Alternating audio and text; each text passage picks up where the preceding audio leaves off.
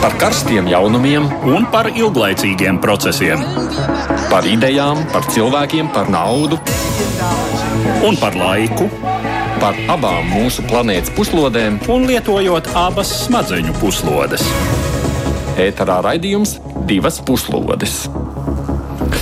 Dārts Liniņš un Aits Tamsons saka jums labdien ikdienas raidījumā par starptautiskajām aktualitātēm. Nu, sākotnēji šodien gribējām vairāk uzmanības pievērst tieši Vidusāzijas reģionam, bet nu, interesanti tie nu, reizē arī trauksmēnie notikumi saistībā ar Krievijas uzsākto karu ir likuši mums šādas tādas korekcijas veikt sākotnējos plānos. Vakar visos okupētajos Ukrainas reģionos tika izsludināti tā saucamie referendumi par pievienošanos Krievijas federācijai. Bet Krievijas valsts dome pieņēma likumu, kas paredz krietni stingrākus sodus par dezertēšanu, izvairīšanos no kara dienesta un padošanos gūstā Pie tam ieliekot likuma pantos arī tādus jēdzienus kā mobilizācija un karš. Un tad sekoja aizkavējusies Putina uzruna tautai, pasludinot valstī daļēju mobilizāciju. Nu, šis viss līdz ir daudz valstu vadītājiem maz komentēt notiekošo. Nu, būtiski ir tas, kā starptautiskā sabiedrība tālāk reaģēs. Mēs gribam šodien pievērst uzmanību ne tikai rietumvalstīm, arī tām, kas līdz šim ir demonstrējuši savu, nu, varbūt neutralitāti Krievijas agresijas sakarā. Nedēļas nogalē Šanhajas sadarbības organizācijas samits labi parādīja, ka Krievijas ietekme nu, mazinās arī šajās valstīs. Krievijas vājumu šķiet visvairāk izjutusi Armēnija, kas nav saņēmusi cerēto atbalstu, sāsinoties tās konfliktam ar Azerbaidžānu. Kārtējais Kārtējās sadursmēs starp abu valstu bruņotajiem spēkiem dzīvību zaudējuši vairāk nekā 200 karavīru, un Armēnijā jūtama vilšanās līdzšinējos sadarbības partneros. Protesta akcijās Erevānā šajās dienās arvien biežāk redz plīvojam Savienoto valstu karogu. Turklāt tur viesojās arī Savienoto valstu kongresa spīkere Nensija Pelosi. Nu, par to visu šodien runāsim. Kopā ar mums studijā ir arī ģeopolitiski ģeopolitikas pētījuma centra direktors. Viņš ir arī Rīgas Tradiņu universitātes asociētais profesors Mārs Anģāns. Labdien! Labdien. Nu, un caur Zūmu mūsu sarunā piedalīsies politologs Kārlis Daugšs. Labdien, Daugštkungs! Sveicināti! Un vispirms neliels tāds ievads mūsu tuvākajā tematikā. Vakar medijos parādījās ziņa, ka pašu pasludināto Donbasa valstisko veidojumu vadība, kā arī Krievijas okupācijas vara Ukrainas Helsonas un Zaporīžas apgabala okupētajā daļā, ir izsludinājusi referendums par šo teritoriju pievienošanos Krievijas federācijai. Tā saucamajiem referendumiem jānotiek no 23. līdz 27. septembrim pilnīgi neleģitīms no starptautisko tiesību un procesu organizēšanas viedokļa. Šis solis liek domāt par iespējamu nopietnu Krievijas agresijas eskalāciju. Nenākas īpaši šaubīties, ka neatkarīgi no tā, cik cilvēku reāli piedalīsies un kā viņi balsos, pseido referendumu rezultāts būs labvēlīgs iekļaušanai Krievijas sastāvā. Tādējādi tālākie Ukraiņas bruņoto spēku centieni atbrīvot savu valsti. No Krievijas puses var tikt traktēti kā iebrukums tās pamatteritorijām, kas tad būtu par iemeslu pieteikt Ukrainai karu, varbūt pat laist darbā kodolieročus. Jau kādu laiku izskanējušie pieņēmumi par iespējamo mobilizāciju Krievijā. Guva atbildi šorīt, kad ar savu vēstījumu pie Krievijas sabiedrības vērsās Vladimirs Putins. Pārmetot rietumvalstīm vēlmi sagraut Krieviju, atņemtais suverenitāti un to izlaupīt, Kremļa saimnieks pauda apņēmību aizstāvēt dzimteni, kā viņš izteicās, visiem līdzekļiem un izsludināja daļēju mobilizāciju, kas skaršot armijas rezervistus ar atbilstošu pieredzi un iemaņām. Var piebilst, ka nulle kā Krievijas valsts domas apakšpalāta ir nobalsojusi par izmaiņām krimināla kodeksā, kas paredz ieviest pamatīgus cietumsodus par marodierismu un labprātīgu padošanos gūstā, kā arī smagākus sodus par kodeksā jau paredzētiem nodarījumiem - pavēļu nepildīšanu un dezertēšanu. Kā vainu pastiprinošus apstākļus paredzēts noteikt attiecīgo pārkāpumu izdarīšanu kara stāvokļa vai mobilizācijas laikā. Pret okupētāju valsts iecerētajiem pseido referendumiem jau izteikušies starptautiskās sabiedrības pārstāvji, tā skaitā NATO ģenerālsekretārs Jens Stoltenbergs, Vācijas kanclers Olafs Šolts, Francijas prezidents Emmanuels Makrons, Baltānama vārdā prezidenta drošības padomnieks Džeiks Salivans. Viņi visi norādījuši, ka pseido referendumos balstītai Ukrainas teritoriju aneksijai nav nekādu cerību uz starptautisku atzīšanu. Tāpat Krievijas imperialistiskā un agresīvā politika tiek plaši kritizēta vakar uzsāktajās ANO ģenerālās asamblējas debatēs Ņujorkā. Nu, kas tagad pēc vakardienas paziņojumiem tālāk notiks, Daugstkungs? Man ir grūti prognozēt uzreiz, kas notiks, jo, manuprāt, ka Krievijas rīcība ir bieži vien vienkārši ārpus jebkādām politoloģiskās analīzes schēmām bet tur bieži vien darbojas psiho, psihiatrijas eh, problemātikas analītiķiem, jādarbojas vairāk. Kas attiecas uz eh, konkrētajiem rīcību un konkrēto darbību, manuprāt, ka Krievijā ir radies tuvojošais smārts no zaudējuma.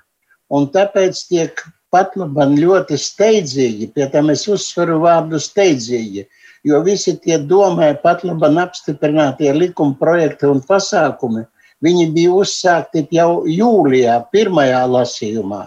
Taču steidzīgi divos un trešā, otrajā un trešajā lasījumā viņa tika, tika pieņemti. Tas nozīmē, ka tomēr kaut kas ir noticis frontē. Un es domāju, ka frontē tas ir tas slavenais kont uzbrukums, ko veica Ukrainas bruņotie spēki Harkovas virzienā, kuri parādīja Krievijas armijas nespēju, bēgšanas, desertierismu, kura, kura parādīja arī, kā vakar viens izteicās, izvirzīja pat versiju, ka zināja Krievu ģenerāļi par tādu iespēju un ka ir veidojusies opozīcija Puķinam, lai paši, tā sakot, parādītu, cik armija ir vāja. Nu, tas ir jau spekulācijas.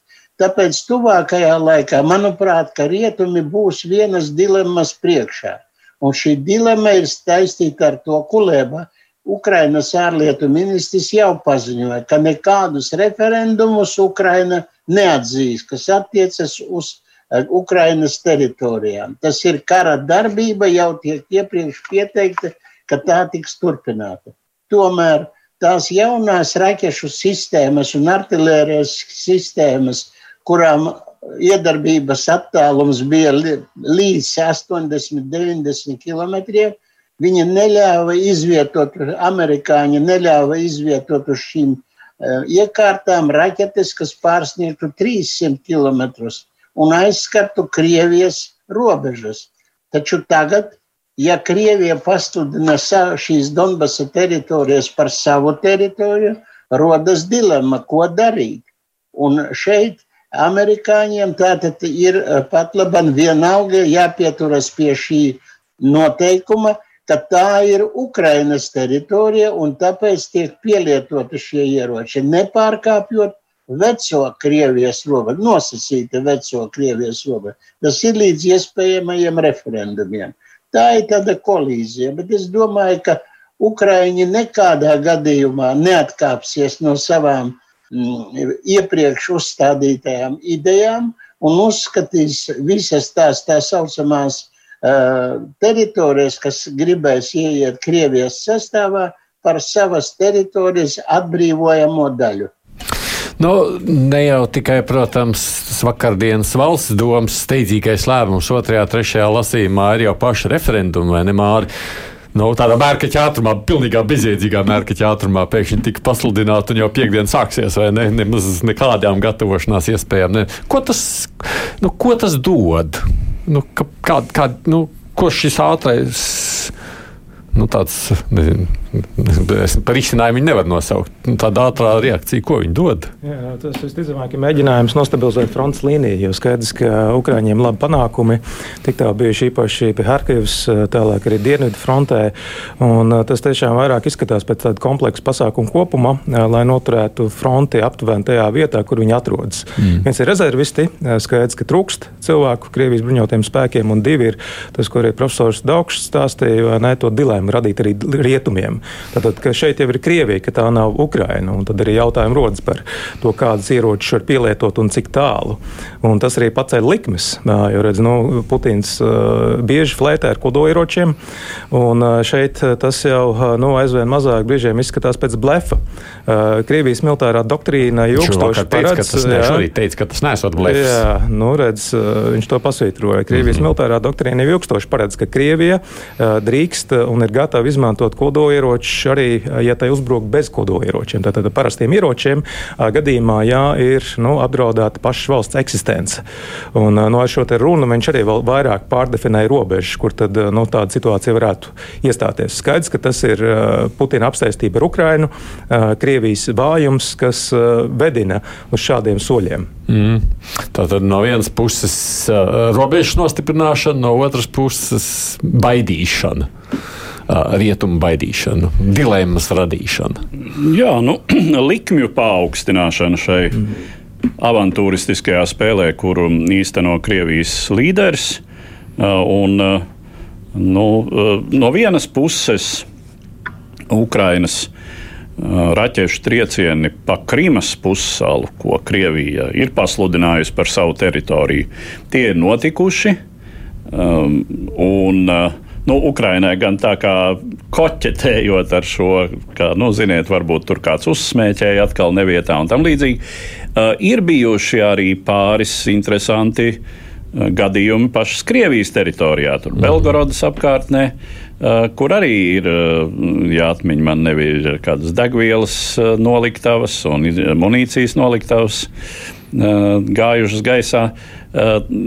Bet nu, saki, nu, vai ne? Daugsta kungs jau norādīja, ka kā visus līdzinējos vairāk nekā 20 gadus, ļoti gribētos ielīst Putina galvā un saprast, kas tur notiek. Bet nu, vai tad ir kaut kādas bažas par to, ka nu, rietumi tā teiks, ah, jā, jā, nu tagad. Hersonā vairs tā nevar šaut virsū ar ieročiem, lūk, tāpēc, ka nu, viņi ir pasludinājuši, ka viņa ir Krievija tagad. Nu, tas taču Nē, nu, tā ir likuma celšana, par ko Edvards arī runā. Tā ir nu, šī tikai daļa no. Atcerēsimies arī energo krīzi, tad, tad dabasgāžu piegājuši pārtraukšana, kas rada neapmierinātību rietumu vēlētāju vidū vai nu, satraukumu kā minimums. Un skaidrs, ka tā ir spēle gan uz Ukrajinu, gan uz rietumiem. Tātad viens ir apzināties aizvien vairāk izmaksas, kādas ir par Ukraiņas atbalstīšanu. Noteikti līdz ar to tas ir Putina mēģis mēģināt mazināt atbalstu Ukrainai. No, viņam izdosies. Un izdosies Domāju, ka kopumā neizdosies, bet noteikti piesardzība lielāka tiks ievērota. Nu, es nedomāju, ka tās būs fundamentālas izmaiņas, bet uh, noteikti būs valsts, kas vairāk domās, ka redz, kur ir vēlētāji, uh, nu, iedzīvotāji, tā būtu precīzāk teikt, uh, kas uztraucas par cenu kāpumu. Un, un šeit redz likmes aug, nu, potenciāli ar kodolieročiem žvadzinās Krievija, ka varbūt tomēr meklēt kaut kādu mierīgāku risinājumu. Es ļoti ceru, ka tā nebūs. Es arī domāju, ka vienotība tomēr noturēsies rietumu valstu vidū, bet noteikti tās likmes aug un jādomā būs vairāk. Izskatās, ka tas tā izdodas, jo man jau liekas, skatoties, pieņemsim, pēc vakardienas, nu, labi, tikai par referendumiem vēl bija zināms, mobilizācija tikai tāda nojauša, bet tās. Uh, uzruna ANO ģenerālajā asamblējā lika domāt, ka tur pat tieši otrādi tā kā liks tāda drosmīgāk tās rietumu valstis vēl reaģēja. Ne? Nu, katrā ziņā. Makrons izties aizvainotāks, ka viņam telefonu nepacēla Putins. Jā, uh, katrā ziņā uh, rietumvalstis līdz šim uh, ir bijušas diezgan konsekventas.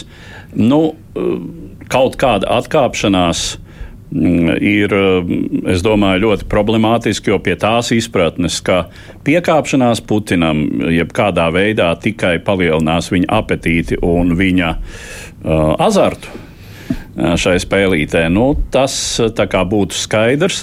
No otras puses, jā, nu, rietumi nav skaidri definējuši, ko viņi darīs gadījumā, ja Krievija tiešām ir pārkāpis nu, to, kas ir faktiski pēdējā sarkanā līnija, lietot kodolieročus pret nekodola valsti, pie kam valsti, kas nu, faktiski jau Krieviju nekādā veidā neapdraud. Nu, tas ir tas, teiksim, pārvilktu strīpu visdrīzāk jebkādām dialogu iespējām starp Krieviju un Rietumiem. Bet kādi būtu tie pretsoļi? Nu, teiksim, Amerikā dzīvojošais krievu politologs Pjontkovskis uzskata, ka Putinam jau esot pateikts, ka tad viņš personiski kļūs par rietumu mērķi, ar kādiem līdzekļiem tas ir jautājums, bet uh, ka rietumi jau ir brīdinājuši, ka tad Uh, viņi uh, tā sacīt, mēģinās vienkārši Putinu novākt, nu, likvidēt fiziski. Vai tas tā ir? Nu, grūti pateikt, ja? Cik, cik tas ir ticami. Tā kā nu, tas, ir, no. tas ir tas būtiskais jautājums, kuram joprojām, nu, teiksim, arī līdz šim Savienoto Valstu prezidents Baidens, kurš nesen izteicās par šo jautājumu, nu, arī palika pie tā, ka atbilde būs ļoti nopietna. Bet ko tas nozīmē īsti? Ja? Nu, mēs varam pieņemt, jā, iespējams, diplomātisko sakaru pārtraukšana, iespējams, patiešām Krievijas, nu, bet diplomātisko sakaru pārtraukšana tas jau faktiski nozīmē, nu, atrašanos pēc klasiskās diplomātijas karstāvoklī. standartiem karstāvoklī. Ja, bet, bet nu, tā tad jā, nav, nav šīs um, skaidrības, kas tad notiktu, ja Krievija kaut ko tādu atļautos darīt. Bet, Daugstkungs, cik tam uh, Krievijas šantāžai ir tiešām ietekme un būs ietekme? Ziniet, um, es tā sakot, bandītu un huligānu starpā šantāžai bieži vien ir ļoti pamatīgs sekas un iznākums. Bet man vakar vienkārši pilnīgi nejaušies izlasīju vienu Krievu militārajai situācijai veltītu žurnālu. Un šī žurnālā bija ļoti precīzi iezīmēti tie rajoni, tie gadījumi, kad, teiksim, Ukrainas teritorijā nu, kaut kur tuvumā pie Doņetskas un tā tālāk tiktu pielietoti nelieli uh, kodola lādiņi. Un izrādījās, ka tie skar ne tikai Krievijas teritoriju, bet pats galvenais tur bija vēl viens teksta gabals. Kādā veidā no šīs zonas, kas būtu pakļauta triecienam, evakuēt lojālus gan krievus, es atvainojos par šo izteicienu lojālie krievi, gan karaspēku, gan arī infrastruktūru. Un vakar es arī vēlreiz izlasīju vēl vienu lietu, ka Krievijā pat labam starp sevišķi starp oligarhiem dominē viens ieskats, ka nekādā ziņā nedrīkst iznīcināt Doņetskas infrastruktūru, ka tā būs mūsu tālākās attīstības un faktiski ekonomikas uzplaukuma pamats. Jo tāpat kā Vācija pēc kara, tāpat kā Japāna pēc kara, ka viņa būs uzplaukuma periods, kas izvilks arī Krievijas ekonomiku. Nu, tur ir dažni dažādi tādi rēķini. Un manuprāt, ka tomēr jāņem vērā, ka ne visi piekrīt. Krievijā arī skatās diezgan uzmanīgi uz visiem šiem kodola ieroču pielietošanas draudiem vai arī šantāžas mēģinājumi. Be, un vēl viens aspekts, kamēr pirms mēs esam šajā tematikā, un paši Krievi kā šo mobilizācijas nu, pasludināšanu sagramos un pieņems Daugštkungs? Ziniet, manuprāt, ka pat labam ar to iekšpolitisko situāciju un iekšējo noskaņojumu Krievijas sabiedrībā ir ļoti nopietna problēma viena, ka līdz kaut kur vasaras vidum vēl dominēja tāda kā Krimas, tā sakot, pussalas tā ideoloģija. Mēs vēl visu panāksim, mums jāiet un jāsit tie ukri un tā tālāk un tā tālāk. Pat labam, manuprāt, ir iestājies tāds labīls periods, kad ļoti daudziem galvās ir viens jautājums. Paklausies, dārgais, Tu taču solīji ļoti drīz visu pabeigt. Un tagad mums jau jādomā par rudeni, jārok kartupeļi, jādo, jādomā, kā mēs izdzīvosim. Un šis jautājums tu mums vēl uzgrūt kaut kādu iespēju aiziet karā. Pie tam nevelti tiek pieņemti visi šie lēmumi, jo tie virsnieki, kuri jau ir, vai arī ierindnieki, kuri ir dienējuši armijā, viņi nekādā ziņā negrib atgriezties, jo viņi saprot, ka loģistika, organizācija, apgāde ir zem katras kritikas, un tā ir tikai, tā sakot, um, vēja dzirnavu plātīšanās, ka lūk, mēs tur kaut ko izdarīsim. Šaubu un uh, tāds iekšējs šaubu tārps, viņš pakāpeniski sāk vienā daļā no Krievijas sabiedrības tīri egoistisku apsvērumu dēļ aizvien dziļāk un dziļāk ierakties uh, ap, apziņā. Jo redz, tad, kad savulaik nu, iepriekš runāja par to mobilizāciju, vienmēr jau bija tā, ka Nu, nu, kāpēc Putins to nedara? Tāpēc, ka nu, tas iekšēji nav populāri, vai ne? Viņš taču negribēja to darīt visu laiku. Un tomēr beig beigās izšķīrās. Nē, nu, pagaidām tā ir iecerēta kā daļēji mobilizācija. Neviens īsti nezina, ko, ko tas nozīmē. Pēc tam aizsardzības ministrs šai gūt teica, ka tie ir aptuveni 300 tūkstoši cilvēki, bet tas lielais jautājums būs, kas tad tie tieši būs. Ne, jā. jo tie būs cilvēki militāri pieredzi, bet zinot, ka Krievijā ir obligātais militārais dienas, tad tas no, nu, lokus ir diezgan plašs. Un noteikti tas viņos no sabiedrībā izsauks, jo nu, tagad karš, nu, speciālā militāra operācija Krievijas izpratnē bija televizoros. Nu, tur tiek pasniegts noteiktā veidā. Tagad tas var sasniegt daudzas ģimenes visapkārt. Nu, skaidrs, ka arī šeit noteikti Krievijas varas iestādes ieturēs noteikti tādu piesardzību. Es pieņemu, ka netiks nu, tik daudz cilvēku iesaukt Maskavā, Sanktpēterburgā, citviet, bet vairāk no attālākos reģionos. Krievijas. Lai nebūtu nemieri, ja? Jā, nu, lai tie, tie nemieri, ja viņi būtu, lai viņi ir kaut kur tālāk no varas centriem. Līdz ar to jautājums, kāda patiesībā būs tā mobilizācija, ja? cik daudz cilvēku tiks skarti, un, un ja, protams, tas, tas ņems lielāku cilvēku daudzumu, tad noteikti viļņošanās būs aizvien lielāka, un Krievijas valsts kļūs vēl represīvāka, vēl vairāk kontrolēs mediju telpu un ikdienas dzīvi visā Krievijā. Jo tādā ārējā skatā jau mēs pagaidām neredzam nekādu tādu rūkšanu, vismaz tajā nu, glancētajā ainā. Jā, nu, bet pagaidām arī šai rūkšanai salīdzinoši bija mazāk iemeslu. Jā, protams, valsts prestižs ir pamatīgi iedragāts. Protams, nav izpildīti tie spožie solījumi, kas bija sākotnēji.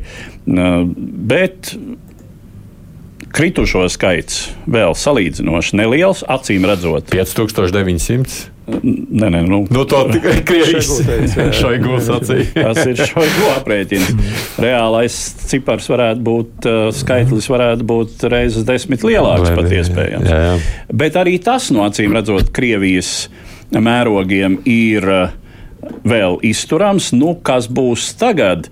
Uh, jā, visdrīzāk, protams, ka tiešām centīsies iesaukt uh, tādus, kuri uh, šo to saprot no ka karošanas. Nu, iespējams, tie ir cilvēki, kas ir cīnījušies abos Čečenijas karos, Eh, varbūt kādu laiku strādājuši kādā no, šiem, no šīm privātajām, militarizētajām organizācijām vai kā tam līdzīgi. No vienas puses, jā, šādiem cilvēkiem ir salīdzinoši lielākas izredzes izdzīvot, Ukrainas uh, frontē, bet no otras puses šie cilvēki arī ļoti labi saprot, cik lielas ir viņa izredzes neizdzīvot. Viņi zina, kāda ir tā militārā tehnika, kuru Krievija lieto, ka citas īsti nav. Putins var plātīties ar kaut kādus video klipus rādīt, bet uh, nu, viņi zina, kādi tie tanki ir un ko ar šiem tankiem uh, var izdarīt ieroči, kas ir Ukrainas rīcībā. Eh, nu, līdz, un šie cilvēki arī nu, potenciāli uh, prot, teiksim, uh, vajadzības gadījumā padoties gūstā, kas arī ir jāmāk. to, to teiksim, militārie eksperti norāda, ka. Tagad jau tiek izplatīts telefons, kur var zvanīt vajadzības gadījumā, jā, jau laicīgi jā, pierakstīt. Bet, sev. nu, teiksim, reālā kaujas situācijā tāds nepieredzējis jauniesauktais viņam tā sekmīgi padoties gūstā ir nemaz ne tik liels izredzes, bet pieredzējušam karotājam var būt lielāks. Ja? Bet, nu, tāpēc jau ir visi šie tāpēc, domas pieņemtie lēmumi par jā, bargākiem sodiem. Jā, jā, jā. Nu, nu, tas ir viens, droši vien arī, um, ja ne gluži krimināla kodeksa līmenī, tad uh, cilvēki tiks biedēti ar sekām, kas varētu būt viņu tuviniekiem. Ja viņi pārbēg, aizbēg un izrādās Ukraiņas pusē, un tā tālāk. Nu, un arī, jā, nu tas ir katrā ziņā tā ir nu, no vienas puses cenšanās darīt tik maz, cik var, tātad daļēja mobilizācija, ja, un solījumiem sūtīt uz turieni joprojām tikai pieredzējušus karotājus, pie kam sagatavojot pirms tam.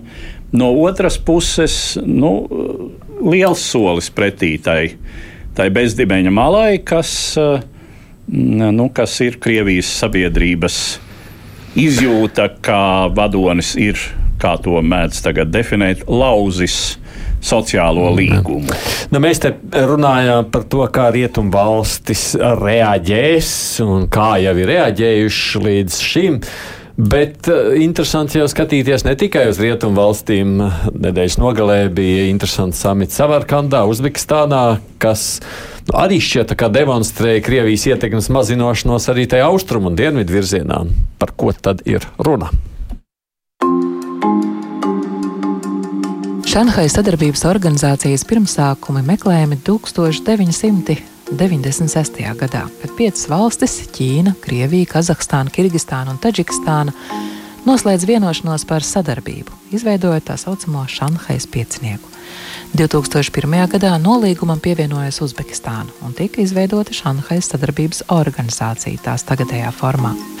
2017. gadā organizācijā tika uzņemtas Indija un Pakistāna. Līdz ar to organizācijas dalību valstis aptver vairāk nekā pusi no Āzijas valstu teritorijas un iedzīvotāju skaita. Novērotāja statusā organizācijā piedalās arī Irāna, Mongolija, Afganistāna un Baltkrievija. Savukārt dialoga partneru statusā Turcija, Šrilanka, Ēģipte, Saudarābija, Azerbaidžāna un vēl vairākas Āzijas valstis. Amerikas Savienotajām valstīm, kuras 2005. gadā arī pieteicās novērotāju statusam, tika atteikts. Tas daudziem liek Šanhajas sadarbības organizācijā saskatīt pretsvaru NATO un Eiropas Savienībai kā potenciālo centru pasaulē bez rietumiem. Vēl jau vairāk tāpēc, ka organizācijas uzmanības centrā allaž bijuši savstarpējas drošības stiprināšanas un militārās sadarbības jautājumi, un vairums organizācijas dalībvalstu ir nedemokrātiski režīmi, kas rietumvalstu īstenoto atbalstu demokrātijai uzlūko kā iejaukšanos to iekšējās lietās un draudu savai drošībai. Tomēr novērotāji atzīst, ka organizācijas dalībniekiem ir ļoti atšķirīgas nacionālās intereses un arī starptautiskā pozicionēšanās. Šanhajas sadarbības organizācijas ikgadējais samits, kas 15. un 16. septembrī norisinājās Uzbekistānas pilsētā Samarkandā, daudziem šķiet iezīmīgs ar mājieniem par Krievijas un tās līdera Vladimira Putina rūkošo varenību. Agresoru valsts vadoņa tikšanās ar citiem Āzijas varenajiem, kā zināms, notika uz Ukrainā piedzīvoto militāro neveiksmu fonu. Pasaules medijus un sociālos tīklus apceļo kadri, kuros Putins, kas ir slavens ar savu manieru vienmēr ierasties ar novēlošanos, Tagad redzams mīņājoties kameru priekšā un gaidot, kad viņam pievienosies Turcijas prezidents Erdogans, Indijas premjerministrs Modī, Azerbaidžānas prezidents Alijevs un Kirgistānas prezidents Džapārovs. Kā raksta britu izdevums The Daily Telegraph, Putins zaudējis savu ierasto pārākumu auru. Acīm redzot, divpusējās sarunās Kremļa saimniekam nācies uzklausīt nevienu netīkamu izteikumu par neveiksmīgo militāro avantūru Ukrainā un šis un tas no tā izlauzās arī publiskajā telpā. Pēc sarunām ar Ķīnas līderi Sīdziņpinu pats Putins presē atzina, ka Ķīnai esot jautājumi un rūpes Ukrainas sakarā. Tad Indijas premjerministrs Narendra Modi bija daudz tiešāks, uzsverot, ka jau agrāk telefona sarunās esot aicinājis Kremļa saimnieku apzināties, ka šis nav karu laikmets. Ir tā, ka arī ārpus rietumu valstīm uz Krieviju sāk raudzīties skeptiskāk, piesardzīgāk. Varbūt ne obligāti skeptiskāk, bet sauž sajūtu vājumu, redz. Es domāju, tas ir diezgan izteikti, jo līdz tam no nu, Krievijas var tik uzskatīt, ka tā ir stingrāk, vai ne? Nu, šogad arī faktiski tagad ir sabrukusi kolektīvās drošības līguma organizācija. To mēs droši vien arī pie Armēnijas piesauksim. Mm -hmm. Gads sākās diezgan labi organizācijai tajā ziņā, ka uz Kazahstānu aizsūtīja ja, tā sauktos mieru uzturētājus. Bet šobrīd nu, ir skaidrs, ka Krievija nespēja iesaistīties iesaistīties citos reģionos ar uh, militāro spēku. No Sīrijas skaidrs, arī savējos vēl jā, ar, arī jā. no turienes. Un skaidrs, ka mhm. Krievija nu, ir, tiek redzēta, ka tā ir aizvien vājāka. Skaidrs, ka ir energoresursu lielākā kodolvara joprojām pasaulē, bet vājums ir uh, acīm redzams. To gan no otras puses nevajag arī pārāk pārvērtēt, vai ne tie Sīdziņpina izteikumi, ne Renders Modī, vai ne arī Džepāraus, Kirgistāns prezidents, kurš lika gaidīt, uh, protams, tie ir tādi nu, signāli, bet tas tas nenozīmē to, ka tagad visi metīsies atbalstīt Ukrainu. Katra šī valsts ir ar savu iekšpolitiku, ārpolitiku, un tas vairāk ir tādi nu, signāli eh, Krievijai, bet nu, neobligāti tas eh, nozīmē atbalstu Ukrainai. Mm. Kas pievērst tev, tavu uzmanību, Kamarkanda? Nu, jā, arī šie, šie ārēji redzamie mm, ceremoniāla, uh, ceremoniāla momenti, uh, kas jau arī daudz kur tiek uzsvērts, ka Āzijā un tādā kompānijā, kur dominē nevis demokrātiski ievēlēti, bet gan autoritāri līderi, kuru teiksim, leģitimācijā, kuru attiecībās ar sabiedrību šādi žesti stāja, poza, ir daudz svarīgāki nekā tie varētu būt demokrātiskas valsts vadītājiem, kuriem ir vēlēšanās iedota leģitimitāte. Tur, ja šīs vēlēšanas arī ir notikušas, tad tās ir apšaubāmas. Lielākajai daļai sabiedrības ir skaidrs, ka tās nav bijušas uh, godīgas, uh, ka tās ir uh, organizētas tā, kā tam ir jābūt, un sabiedrības leģiti leģitimitātes izjūtu šim vadonim, valdniekam, dod citi momenti. Un tie ir viņa spēks, viņa uh, gatavība radikāli rīkoties, uh, viņa sakari uh, un arī cieņa, ko viņš bauda teiksim, starptautiskajā arēnā. Un, uh, nu jā, Putins šai ziņā ir smagi sašļucis. ir, ir tāda fotografija, kas tur klejoja, uh, kas klejo arī medijos, tā ir daudz vietā publicēta, tāda neformāla tikšanās vakarā ap uh, uzkodu galdiņu. Un, nu, tur ir diezgan spilgti, ka galda galā sēž Erdogans uz mazliet augstāka krēsla. Viņam līdzās ir uh, Alijevs, Azerbaidžānas prezidents, kas ir viņa tuvākais sabiedrotais šai kompānijai, un Erdogans ir pie tam trešās šķiras persona pēc, eh, pēc teiksim, statusa šai eh, sanāksmē. Viņš pat nav dalību valsts un pat ne novērotājs valsts. Viņš ir tā saucamo dialoga partneru pārstāvis, bet viņš acīm redzami diriģē un tad uz zema, pazema divāniņa starp Lukašenko un vienu no Centrālāzijas līderiem sēž mazs un sarāvies Vladimirs Putins. Un, eh, tā Te jau vai iztapīgi uzsmaida Erdoganam, kurš tur ar sultāna vērienu, tā mm. sacīt, kaut ko pārējiem stāsta. Ko šie vēstījumi visi nozīmē, Daugštkungs, jūsu skatījumā? Man liekas, mēs mazliet eh, aizraujamies ar dažādu žestu eh, analīzi un demonstrāciju šīs organizācijas darbības laikā Samarkandā. Es pilnīgi piekrītu, ka autoritārie režīmi balstās bieži vien taisnu šo, to, ko teica Līnijas bet man liekas, ka vispār šī Samarkandas uh, tikšanās un šī deklarācija faktiski neko nenozīmē, jo pirms tam viņš, Sidzinpins, kurš pat laban ir ļoti autoritatīva personība un ietekme pasaulē, viņš aizbrauca uz Nursultānu. Toreiz tagad viņa tiek pārdēvēta, ja? Astanā. Un tur viņš paziņoja faktiski vienu ģeopolitisku maksimu pēc būtības. Jo viņš teica pateica, ka mēs aizstāvēsim Kazahstānas neatkarību, Kazahstānas suverenitāti un Kazahstānas robežas. Bet ko nozīmē Kazahstānas robeža? Kazahstānas robeža faktiski nozīmē visas az, Vidusāzijas robežu ar Krieviju 7000 km garumā. Tas bija milzīgs spēriens Puķinam. Starp citu, par arī par tiem žestiem. Redziet, Puķinam ir viena nelaime Viņš tik ļoti grib sevi izcelt un pacelt un tā sakot, palielīties, ka viņš, es noskatījos viņa preses konferenci pēc Samarkandas jau samita. Viņš izskatījās absolūti nožēlojami, un pie tam viņš pat melo.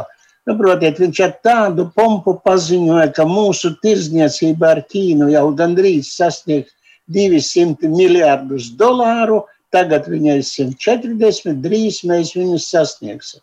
Bet viņš aizmirsa piemetināt, ka Ķīnas tirdzniecība ar Amerikas Savienotajām valstīm ir viens triljons dolāru. Un līdz ar to Krievijas ieguldījums un centieni pārdot Ķīnai naftu par 30% lētāk, un Ķīna to labprāt pieņem, viņš to uzskata par milzīgu uzvaru. Dempinga cenas tāpat pie, pieņem arī Indija.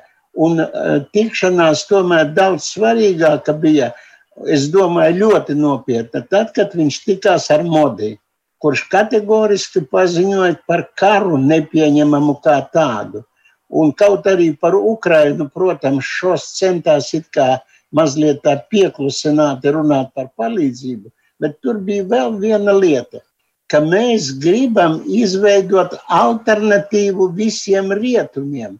Mums pieder, tā sakot, teritorijas iedzīvotāji milzīgs skaits un tā tālāk. Vakar Kosečovs ir tāds darbonis Krievijas federācijas sastāvā vietnieks Matvijenko. Viņš atklāti, manuprāt, izpļāpājās par Krievijas nodomiem.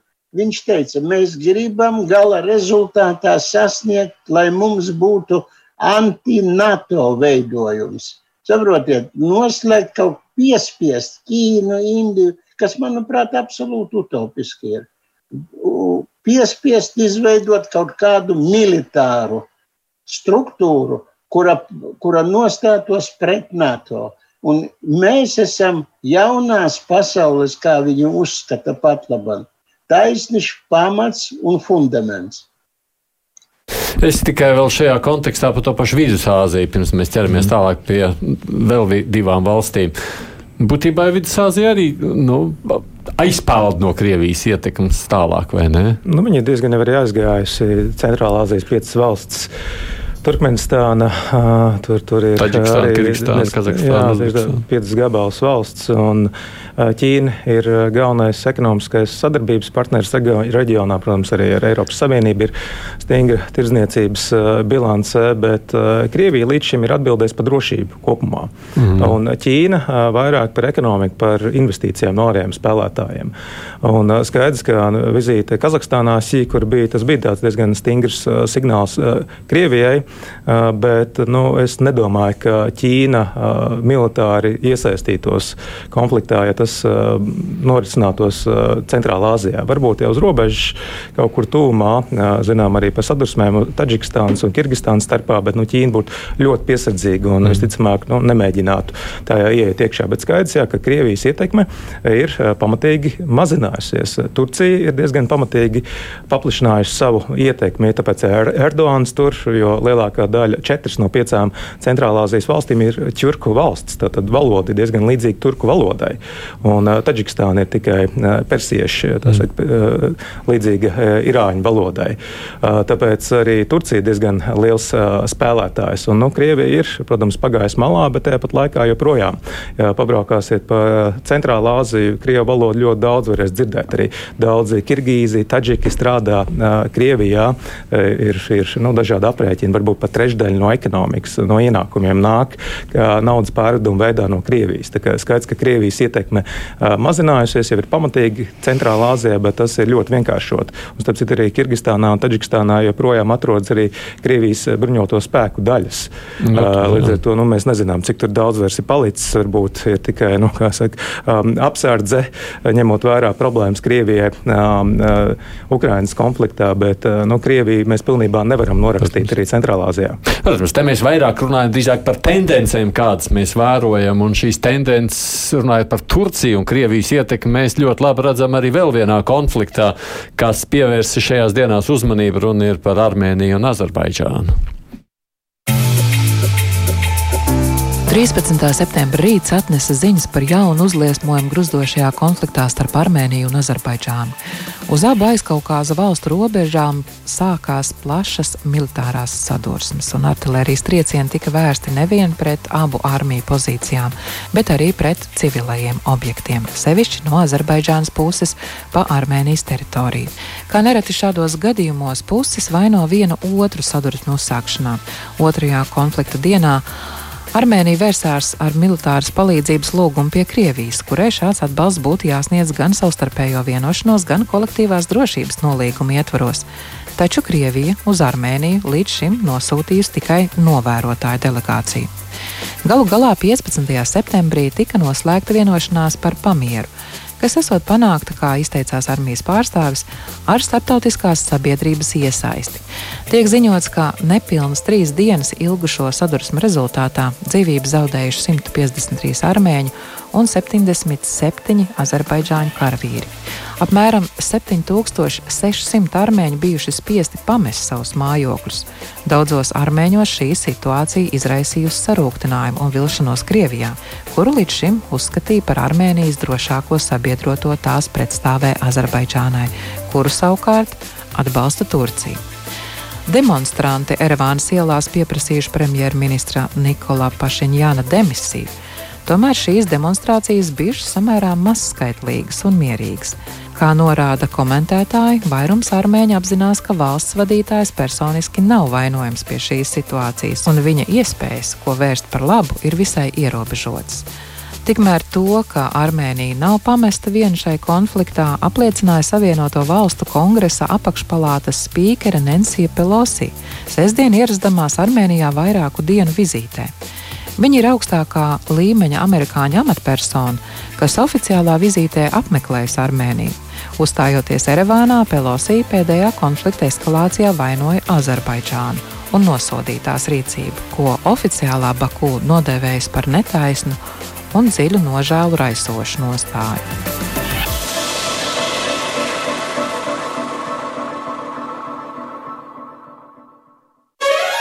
Divas puslodes! Atgādini, kopā ar mums studijā ir ģeopolitikas pētījuma centra direktors, RSO asociētais profesors Mārs Anģāns, attālināts politologs Kārls Daugšs, nu, un šeit esam mēs ar Eduardu Liniņu.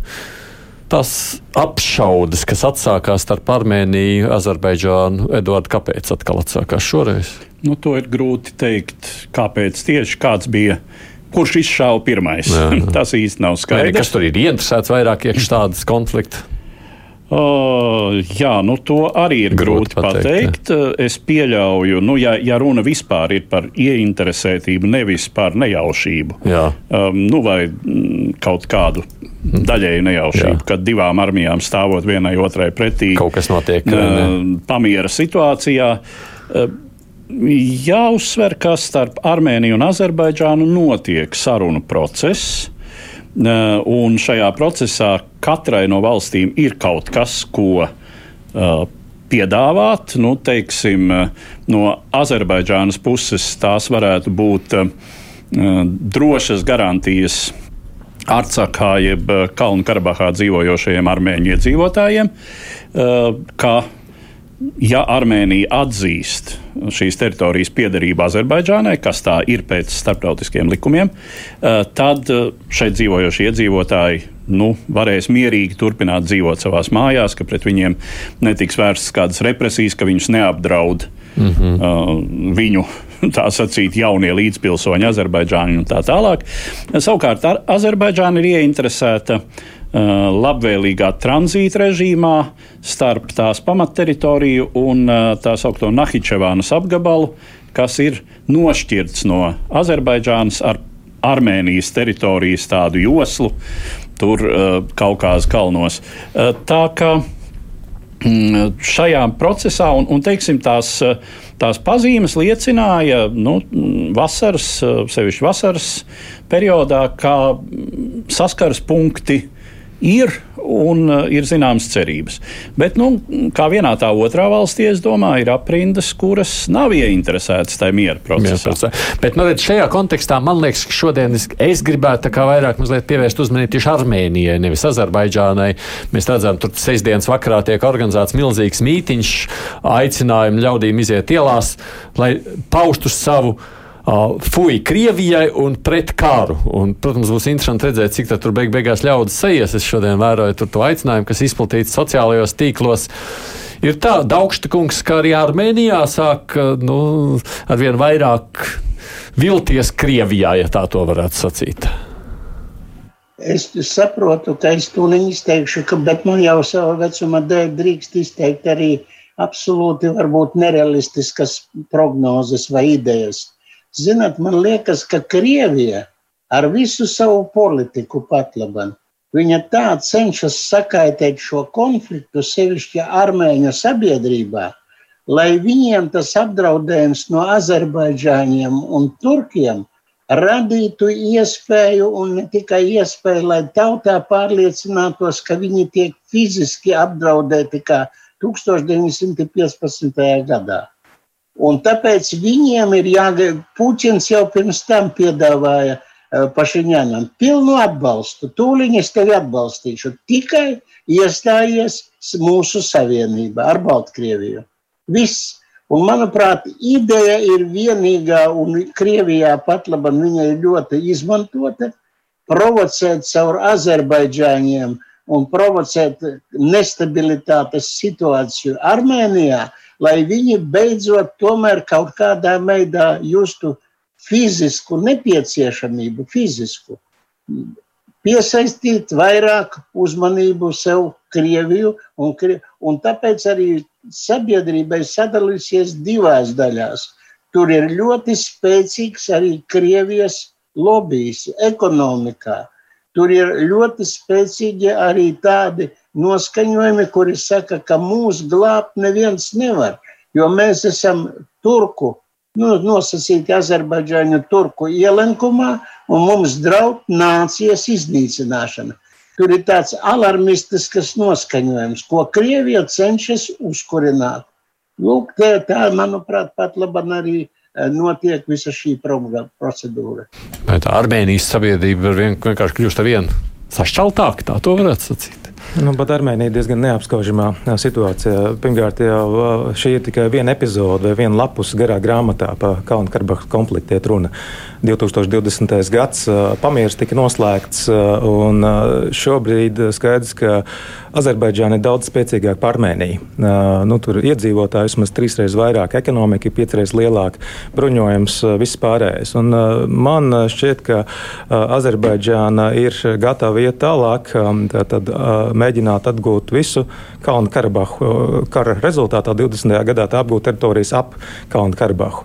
Tas ir viens, un otrs, Edvards arī piesaukties eksklāvs, mēģināt izveidot sauszemes koridoru. Tas, kas Armēnijā kādas bažas ir, ka Irāna varētu mēģināt ar spēku pārņemt um, robežu, pierobežu joslu, tātad, lai izveidotu ceļu uh, starp savu Azerbaidžānas pamatteritoriju un eksklāvu, tātad, uh, kas iet gar uh, Irānas robežu. Un, uh, šobrīd nu jā, Armēņi ir diezgan neapskaužamā situācijā. Tātad ir naidīgas attiecības ar Azerbaidžānu, ar Turciju. Turcija atbalsta Azerbaidžānu, nu, un tad ir vienā pusē Irāna, un otrā pusē vēl Gruzija. Un Krievija ir faktiski vienīgais, uz ko armēņi var paļauties. Kurā viņi vīļas? Uh, jā, bet nu, nav daudz iespēju. Protams, Nancy Pelosi uh, bija vizītē. Tā bet, cerības uz amerikāņiem parādās. Uh, bet, domāju, tas ir ārkārtīgi attāls cerības, jo uh, ir vismaz pusmiljons armēņi dzīvo ASV, ir ļoti liela diaspora. Man liekas, Armēnija ir mm. reta valsts, kur ir ir uh, diaspora ir lielāka par pašu valsts iedzīvotāju mm. uh, skaitu. Un uh, nāk vidustermiņa vēlēšanas ASV novembrī. Un skaidrs, ka armēņu elektorāts ASV attiecīgajos mm. štatos ļoti lobē uh, Armēnijas uh, lietu, bet to, ka ASV varētu būtiski iesaistīties, domāju, tas ir ļoti nu, naivi cerētu. Bet šeit, es domāju, arī viss ved uz Krieviju. Krievijas vājums, kāpēc Azerbaidžāna ir nu, diezgan, diezgan aktīva. Uh, prezidents uh, arī neslē, neslēp to, ka no, nu, Azerbaidžāna ir gatava doties uz priekšu. Tad ir skaidrs, ka Krievijas mieru uzturētāji, ja tā viņas var dēvēt, nespēja uzturēt mieru. Un arī Azerbaidžāna sajūt vājumu. Un šeit es arī neizslēgtu, ka ir bijušas starp Erdoganu un Putinu kādas sarunas, ka nu, tiek dota vaļa Turcijai un Azerbaidžānai lielāka rīcībā pret Armēniju. Nu, Armēnija tiešām ir, ir tādā diezgan neapskaužamā situācijā. Vienīgais nu, nopietnais draugs, ja tā var teikt, vai nu, piespiedu kārtā draugs ir Krievija. Krievija ir vāja, šobrīd aizņemta Ukrainā, un armēņi, diemžēl, paliek tikai paši ar sevi un likteņu varā. Nu, tad... nu, varbūt ne gluži likteņa varā, bet jā, nu, nav īsti domājams, ka Savienotās valstis vai Eiropas Savienība, Protams. sevišķi Francija, aktīvi atbalsta Armēniju arī tā paša iemesla dēļ, ka ir liela armēņu diaspora Francijā. Eh, bet militāru iesaisti grūti domāt. Nu, lielākais, kas varētu būt, ka varētu panākt kādu apvienoto nāciju drošības spēku izvietošanu kādu šķīrēju spēku tur. Nu, protams, Savienoto valstu, Eiropas Savienības diplomātiskās sviras, kas tad visdrīzāk darbotos caur Turciju, jā, Erdogans ir uh, spītīgs un, uh, un pašpārliecināts politiķis, bet uh, nu, tas ir tas, kā visdrīzāk rietumu lielvalstis mēģinātu līdzēt Armēnijai šai situācijai. Ko, tad, ko tas nozīmē? Tas nozīmē, ka mēs gaidām tālāk jā, turpinājumu. Jā. Nu, šī ir tiešām viena lapus, un šī nav pēdējā lapus eh, biezā grāmatā par eh, Kalnu Karabahu. Un skaidrs, ja ir nu, vāja Armēnija bez palīdzības un spēcīga Azerbaidžāna ar Turciju aiz muguras, tad domāju, ka uh, Azerbaidžāna ies tālāk. Un, nu, es, pieņemu, ka mērķis ir visas Kalnu Karabahas atgūšana, kas eh, de jure ir Azerbaidžānas teritorija. Protams, eh, apdzīvo pamatā armēņi eh, pēc, pēc 90. gadu kara. Un, attiecīgi, arī nu, robeža ceļa, precīzāk ceļa izveidošana uz savu eksklāvu. Un, domāju, tas ir pietiekami nopietni. Līdz ar to šobrīd Eiropā ir nu, patiesi divi faktiski kari. Skaidrs, ka starp Azerbaidžānu un Armēniju tas tāds neliela mēroga, bet ar to nebeigsies, ar to pamieru, kas ir nu, šobrīd panākts.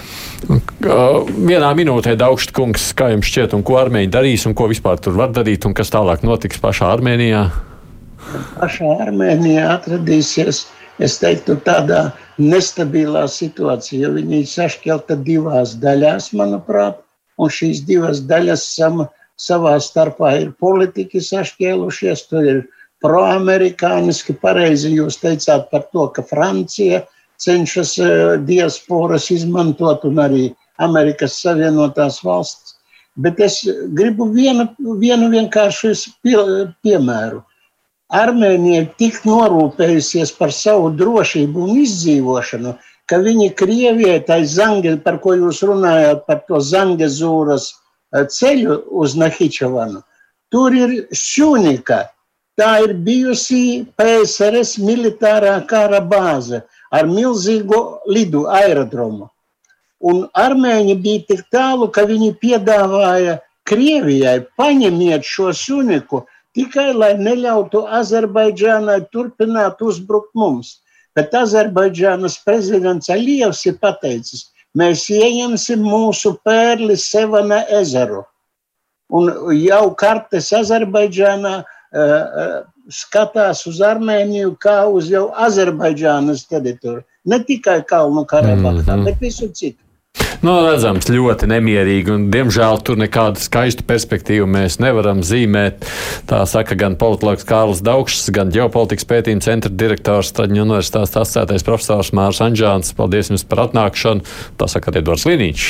Paldies. Latvijas raidi, radio raidījuma vadītājs. Un studijā bija arī Aidis Tamsons producē mums sevi junām. Tiekamies pēc nedēļas, skatīsimies, kas tad nākamajās dienās atkal būs noticis abās divās zemes puslodēs divas puslodes.